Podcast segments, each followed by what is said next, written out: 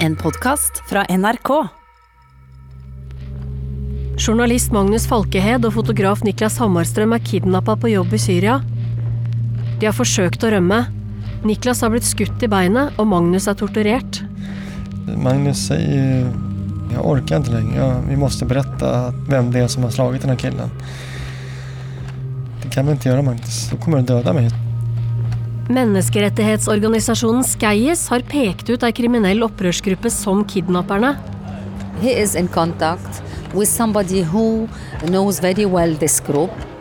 Erik Aasheim og jeg, Nina Stensrud Martin, vil finne ut hvem som kidnappa våre venner Niklas og Magnus, og hvordan de overlevde.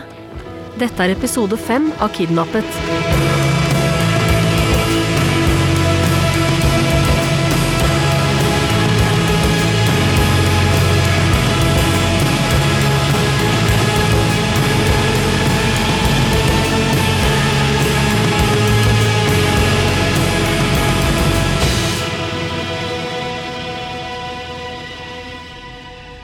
Magnus har blitt torturert i mange timer, men til slutt gir kidnapperne opp å få ut av ham hvem som slo gutten i bilen.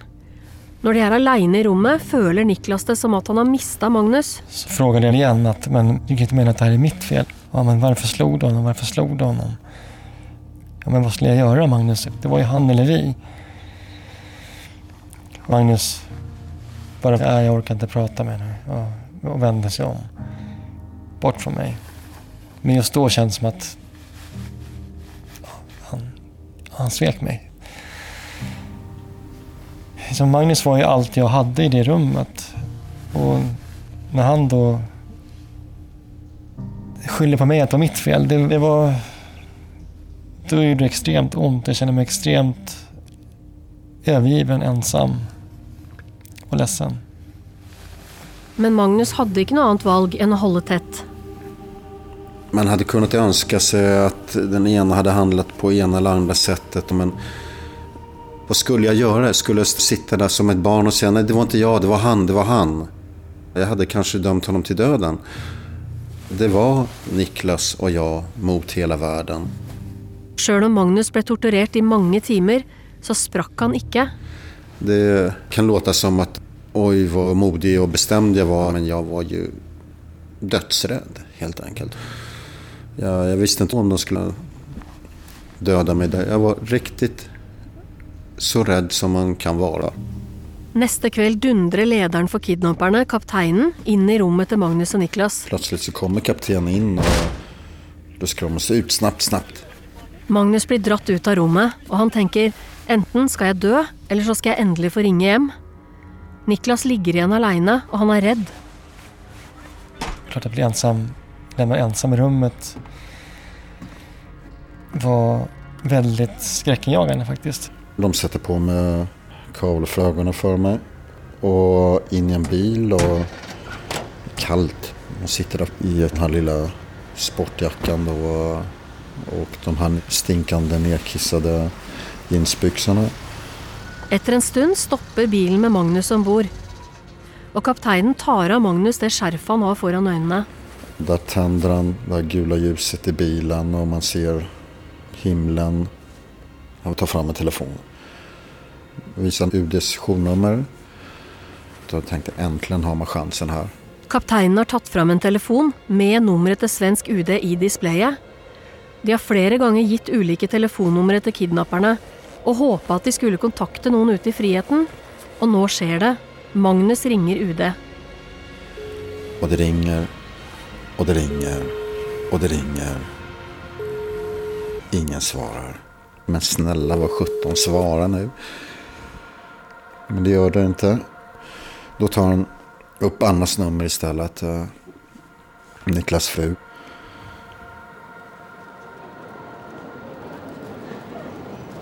Hjemme i Stockholm är Anna på kjøpesenter med sönerna William, Oscar och Carl Philip för att köpa julpynt.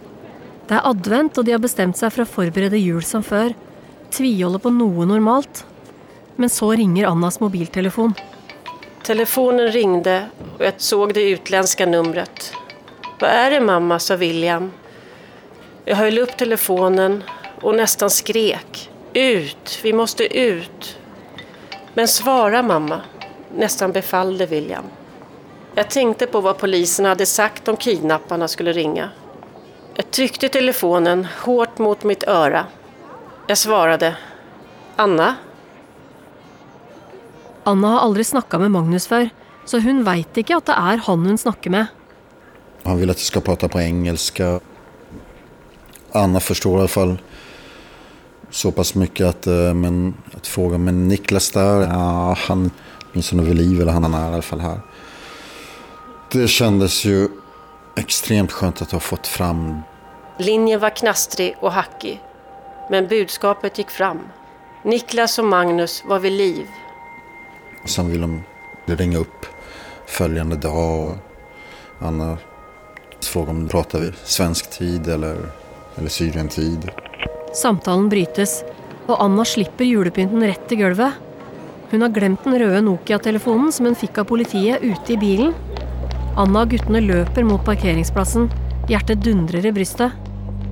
Den röda telefonen. Var är den röda telefonen? William fiskade fram den ur min handväska. Efter ett par signaler svarade polisen Janne. De har tagit kontakt.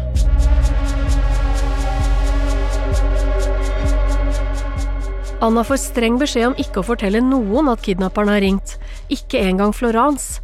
Men Anna kan ikke holde det hemmelig for kona til Magnus. Florence må få vite at Magnus lever. Anna har blivit kontaktad. Äntligen. De ska ringa tillbaka redan ikväll. Jag och Anna sitter i samma båt. Just nu har jag bara lust att krama om henne. Tilbake i fangehullet får Niklas vite at Magnus har snakka med Anna. Och Magnus berättar att han då ringde Annas telefonnummer och hon svarade. Och varje liksom, nyans i, i samtalet sitter vi och väger på guldvåg. Jag vet inte om jag hade klarat av att, att prata med henne. Jag hade förmodligen börjat gråta och våra kidnappare tappat all respekten för mig som man. Kändes det som en, en seger för det här totala misslyckandet, flyktförsöket och allt vad det kostade oss.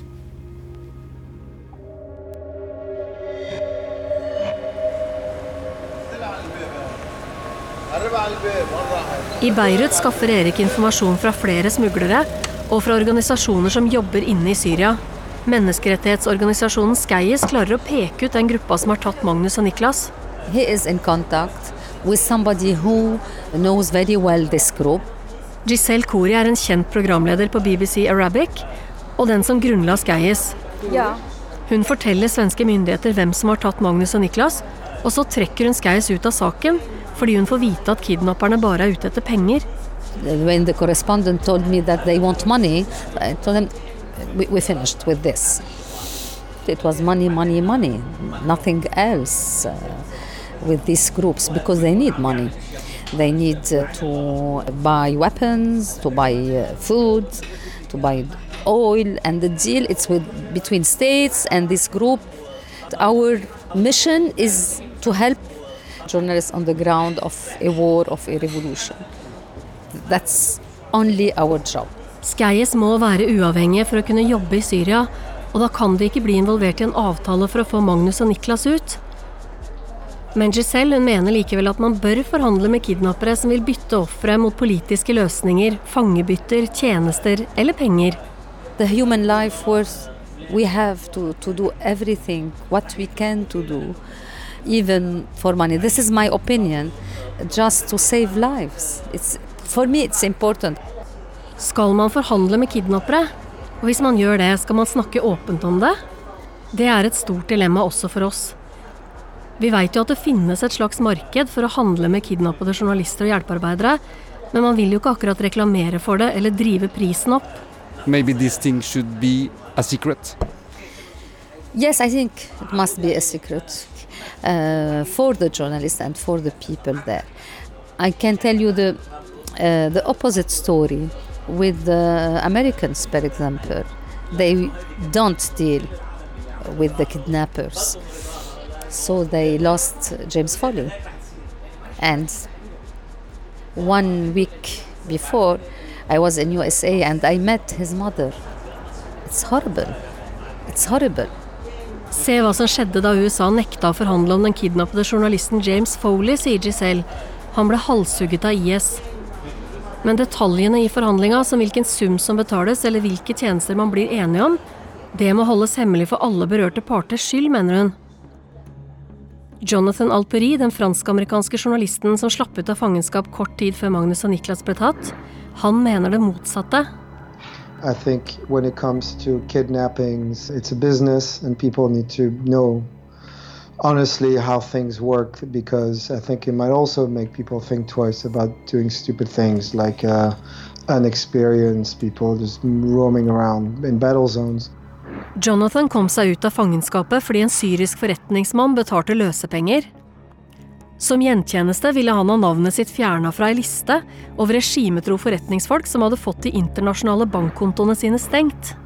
He paid my ransom because he wanted to be out of a dark list of powerful Syrian business people who were close to the regime. His assets were frozen.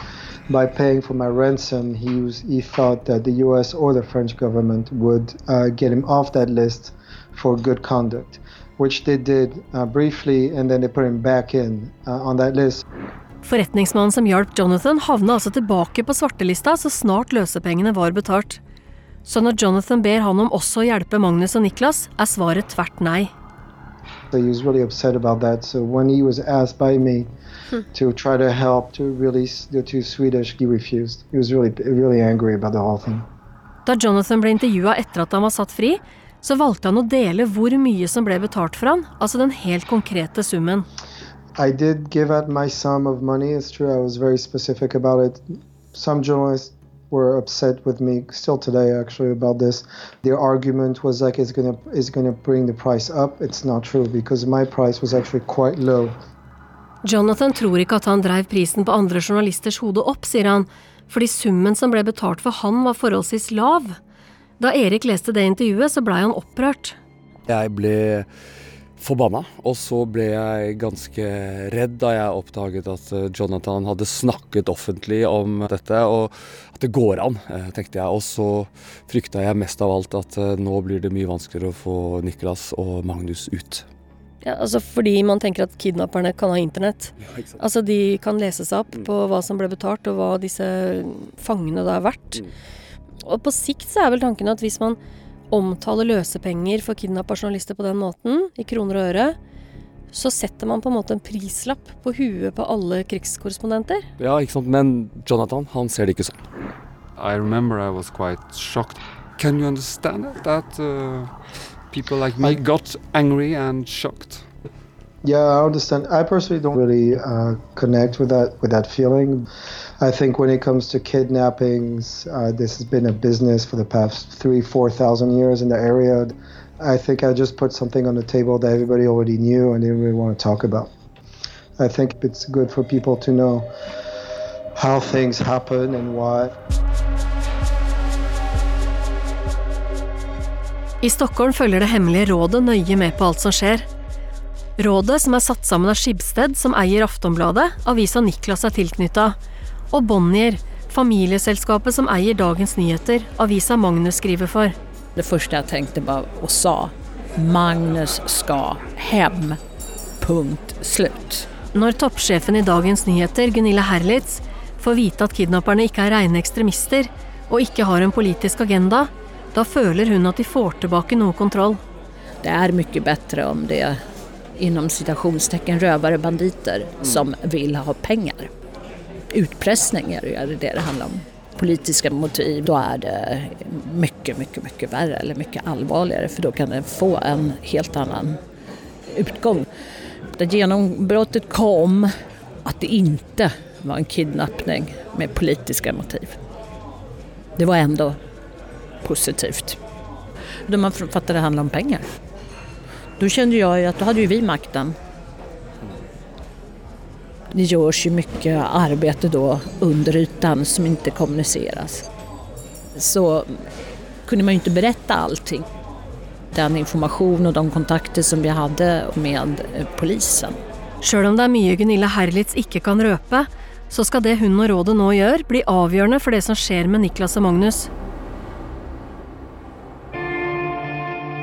I Stockholm er Anna framme på politihuset, og snart skal kidnapperne ringe tilbake. Hun läser från dagboka. Jag och polisen Janne gick en lång, nästan öde korridor till rummet vi skulle vara i. Vita väggar, ett fyrkantigt bord i mitten, fem stolar, en stor whiteboard. På tavlan stod det skrivet vad man skulle tänka på i samtal med kidnapparna. Planen er at politimennene Jesper og Jonas sammen med tolken nå skal overta samtalen med kidnapperne. Strax efter klockan 19 ringde telefonen. Janne tryckte på högtalarfunktionen på iPhonen. Politiet stiller noen kontrollspørsmål til kidnapperne som bare Magnus og Niklas kan svare på. De spørsmålene har Niklas og Magnus skrevet ned sjøl og lagt igjen hjemme før de dro, og sånn kan politiet forsikre seg om at Magnus og Niklas lever. Jonas ställde kontrollfrågan till kidnapparna. Vad heter Florans första hund? Det blev tyst i luren. I Syria har kapteinen kommet inn i rommet.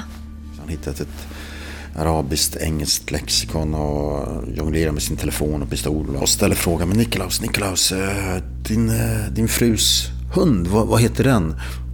Mm, Niklas tittar på honom, en hund, de, de, de har ingen hund.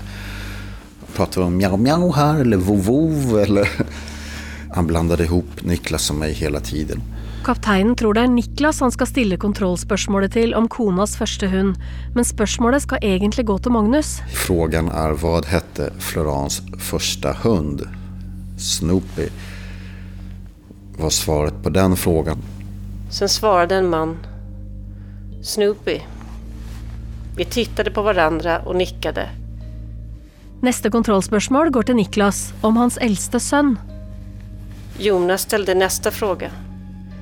På vilket sjukhus föddes William? Det blev tyst i luren. Vi hörde hur kidnapparna gick iväg. Jag höll andan. Vad hette Viams? Viams? eh, Var det, men kom vi fram till att det, han pratade om William. Sjukhuset där han föddes. Efter någon minut kom de tillbaka. Danderyds sjukhus. Tårarna rullade ner för kinderna. Niklas lever.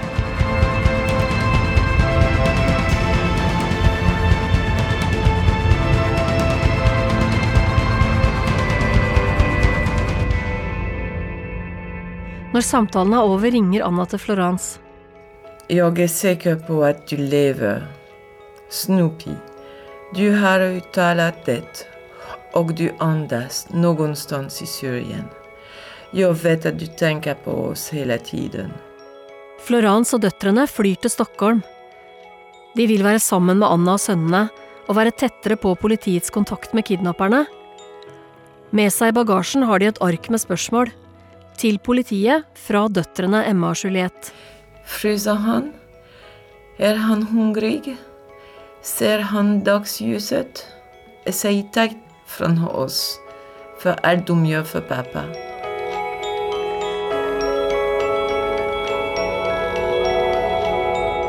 En kväll så låter det som att ytterdörren slängs upp och in kommer det massa män och det blir skrik och höga röster. Och så går ett skott av. Pang! In i huset. Magnus blir såklart blir livrädda. Vad fan är det som händer? Samma natt kommer våra kidnappare in på vårt rum och säger att vi måste flyttas. Och um, på något sätt, det blev en så här orolig känsla i kroppen för att jag tänkte att vi trivdes på det stället vi var på men det var ändå vårt hem på något konstigt jäkla sätt. Hvor skal de flyttes, og hvorfor haster det sånn? Får jag stödja mig mot en av kidnapparna. Och det är ganska kallt ute nu. Det är mörkt och det man ser stjärnklart. Nästan, man ser ingen, inga gatlampor eller någon belysning nå, någonstans. Hoppar in i deras bil och så åker vi. Etter en kort kjøretur i den syriske natta tas de ut av bilen. Och vi kommer fram till något mörkt hus. Jag hör det här dunket av en järndörr och där tar de av bindlarna. Och därför står det en massa män och väntar på oss. Alla har Kalashnikov. Då blir jag på riktigt rädd. Och liksom, det känns som att nu, nu går vi liksom till någon ny 2.0 av fångenskapen. Som bara kändes mycket, mycket värre. Har vi sålts vidare till någon annan grupp? Är det här en grupp som ska ha oss för prestigen och ta livet av oss? Männen på det nya stället, de, de var mera klädda för strid. Med riktiga armékängor och kombatkläder. Hade tyngre vapen och långa skägg. Det var mer det var soldater, riktiga krigare. Vi leds ner till någon källare som är jätteskitig. Kanske 10 kvadratmeter. Det finns ett litet, litet fönster högst upp i det här källarhålet. Man ser lite hur vattnet rinner. Och det är det som inte har frusit till is. Magnus och Niklas har blivit en severdighet. Många krigare kommer ner för att se på dem och de är särskilt upptagna av Niklas. Alla vill se på min skottskada. Och så är det någon av de här som vill ta en selfie med Magnus och mig. Stor kille. Och vi tänkte, ja men varför vill jag ta en selfie? Ska de lägga ut det här på någon sida? Kom och köp. Och så kommer en annan kille som är jättestor. Och så, jag hade ganska långt hår då. Och han eh, tittar på mig med så här bambuögon, lägger huvudet på sned och, och säger att You beautiful. Och så klappar han mitt hår så här. You beautiful. Och tänkte jag, vad ska nu hända?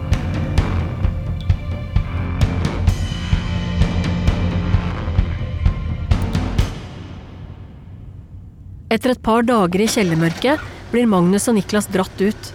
Kapteinen dytter dem in i en stor svart bil. Begge er bundet av bind for øynene. Efter en tio minuters tid så stoppar de och tas ut av bilen. Vi får gå upp mot ett hus, fortfarande med förbundna ögon. Det är en lång trappa upp till det här huset och jag, jag kunde inte gå så att en av de här stor, stora soldaterna fick, tog mig på sin rygg. Inne i huset tar kaptenen av dem bindet för ögonen. Det sitter någon smal, spenslig man med någon som är maskerad för ansiktet. Och sen några andra soldater. Och han tittar på mig och säger, gud vad du ser ut. Jag hade ju blåtiror under ögonen, min näsa var svullen. Jag hade extremt ont i min skada såklart. Niklas ligger på golvet och Magnus knäler ner vid sidan av han. Kaptenen tar fram pistolen. Ber din sista bön och sätter den här pistolen mot pannan och säger ja nu, nu ska jag skjutas. Väldigt mycket testosteron liksom i atmosfären. Och Istedenfor å skyte Magnus och Niklas fisker kapteinen fram en telefon. Och så säger han att eh, nu ska vi ringa hem. Vi ska ringa till din fru. Och jag ville inte. Jag ville inte. Jag var jätterädd att om inte hon svarar så kanske barnen svarar. Och då kommer jag bara börja gråta. Och försökte bara nej, nej, nej. Jag, jag vill inte liksom. Oh, du ska ringa. De har inte något val. De må ringa hem. Och han ger oss tydliga instruktioner om exakt vad vi ska säga. Vi ska tala engelska så att de kan förstå. De ger telefonen till Niklas först. Och jag ringer hem, men det är bara telefonsvarare. Anna svarar inte telefonen. Vi får lämna ett meddelande och han säger åt oss vad jag ska säga för någonting. Så jag ska säga vad du heter och vem du är och kom och hjälp oss. I huset utanför Stockholm har Anna och de tre sönerna fått besök av Florence och döttrarna. Äntligen får de vara sammen. Sent på kvällen, och Florence och jäntorna har rest tillbaka till hotellet, så uppdager Anna något. När jag gick för att lägga mig upptäckte jag att jag hade ett missat samtal på min mobil och ett meddelande i röstbrevlådan. Jag kände pulsen öka och tryckte fram meddelandet. Det du får höra nu är beskeden som blev lagt igen på Annas telefonsvarare.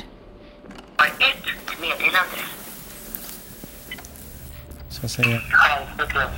Hello Anna, this is uh, Niklas. Um, I love you Anna.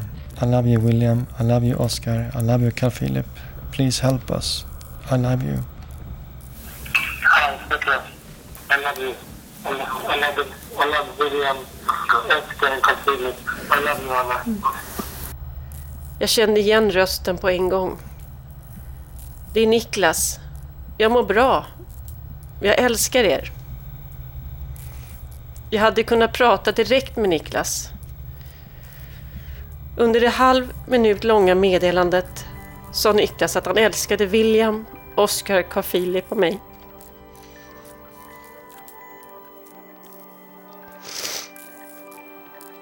Jag älskar er alla.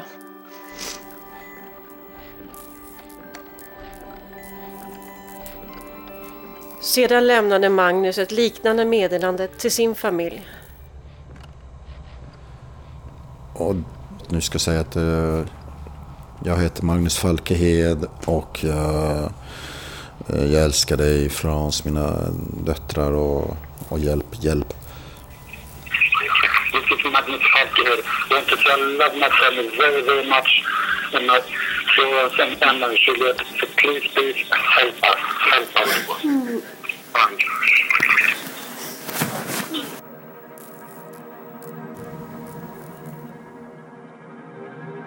Oscar, William, kom, ropade jag. Vad har hänt mamma?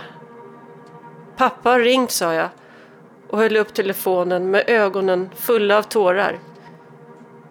Killarna lyssnade på meddelandet. Rösten från en pappa som levde.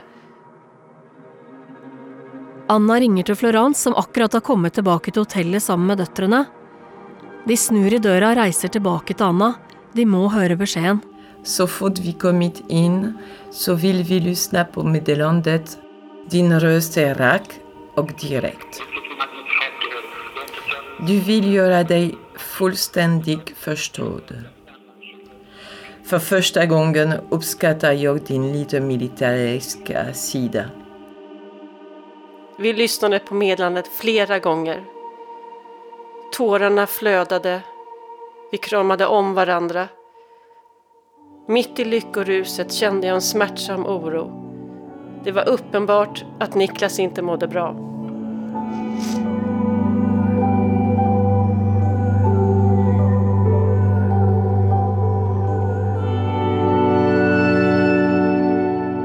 Alt er plutselig i spill. Nå er det viktig å gi kidnapparen en følelse av at det kan komme raske resultater. Politiet kan ikke lenger sitte i Sverige og forhandle, for hvis det åpner seg möjlighet mulighet for å få dem ut, så må de være der når det skjer. Så hele forhandlingsteamet bestemmer seg for å reise til Beirut i all hemmelighet. Politiet forteller Florence at fransk etterretning er dypt involvert. Polisen Christer berättar att samarbetet med fransmännen är intensivt i Libanon. Imorgon ska teamet flytta till Beirut. Framme i Beirut blir polititeamet tatt imot av Sveriges ambassadør Niklas Kebon, som gjør om kontoret sitt til hovedkvarter for politifolkene. Jag hade rum, mitt rum för, för att eh, poliserna skulle ha en sam, sambandscentral där. De verkade ju bygga sitt arbete på en lång erfarenhet. Men det är klart att när det gällde den regionala och lokala kontexten, konflikten och de olika aktörerna, eh, så hade ju de ingen specialistkunskap. Och det var där jag tyckte vi kunde samarbeta bra. Med politiet på plats i Beirut så väntar alla på nästa träck från kidnapparna. Men så blir det stilla. Länge.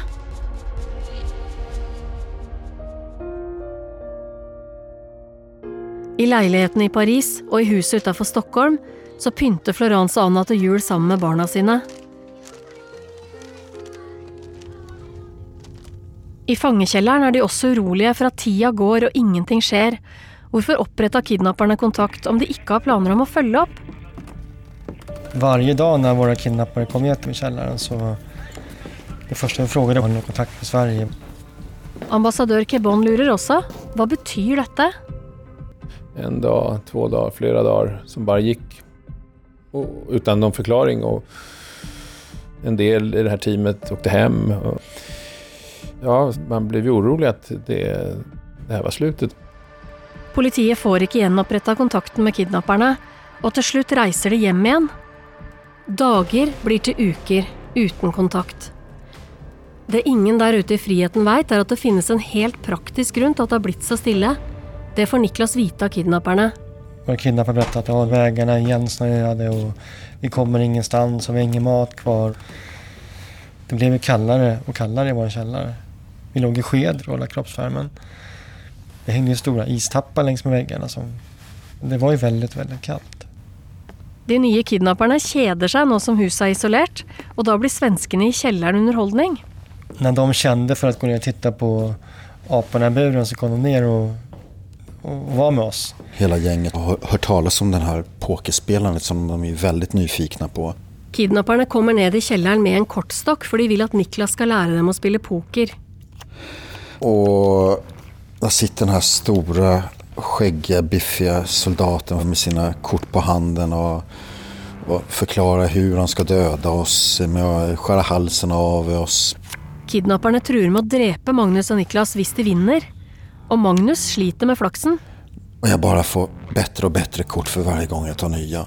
Så jag sitter med banne med Royal Flush och Niklas sitter och frågar vad, vad håller du på med? Det, fattar inte, vi måste ju förlora. Ja, men jag gör vad jag kan för att förlora men turen bara liksom klistrar sig fast på mig. Jag har ju bilden av eh, den här filmscenen i Bergman-filmen där riddaren sitter och, och spelar, spelar schack med, med döden och försöker fuska. Och vi sitter också på sätt och vis och spelar schack med döden där. Har du lurat mig? Ja, visst. Du gick i fällan. Jag ställer dig schack.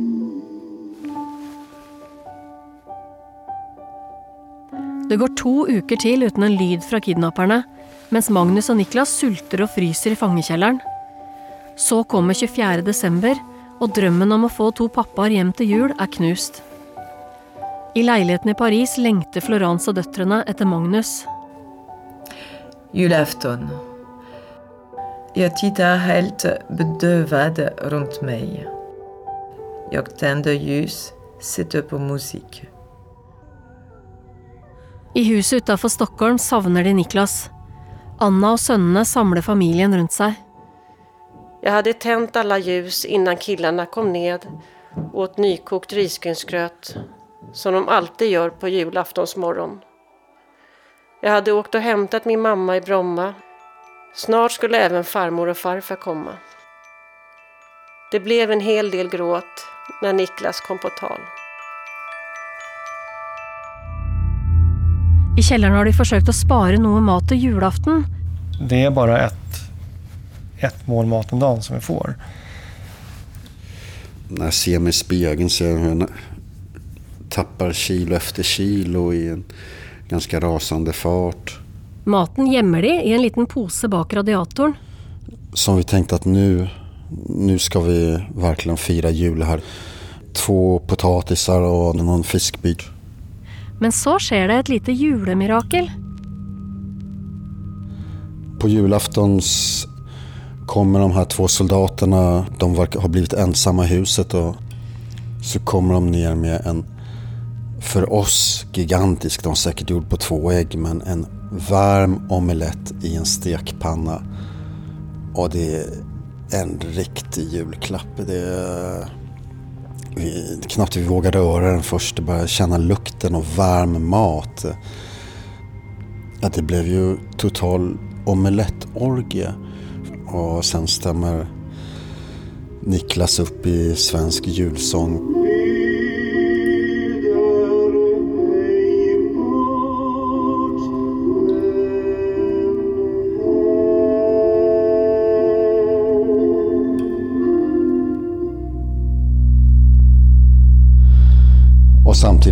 Ångesten. Barnen var i tv-rummet när den röda noken plötsligt vibrerade. Alla vid bordet tryckte till. Polisen skulle inte ringa på julafton om det inte hade kommit upp något nytt.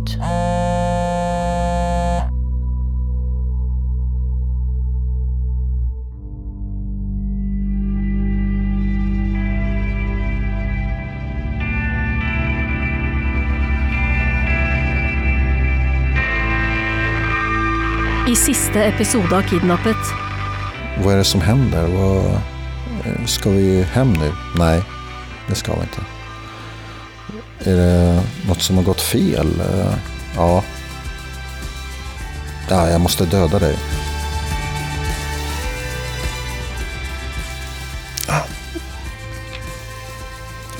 Jag har jättesvårt att prata om det här. Du har hørt den femte av seks deler av serien Kidnappet.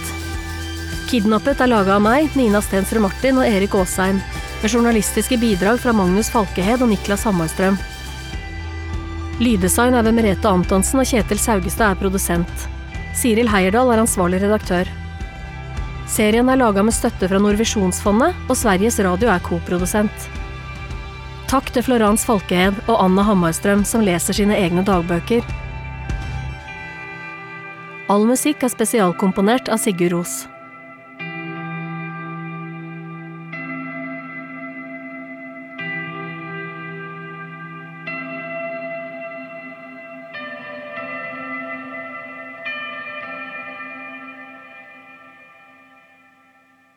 Du har hørt en podkast fra NRK. Hør flere podkaster og din NRK-kanal i appen NRK Radio.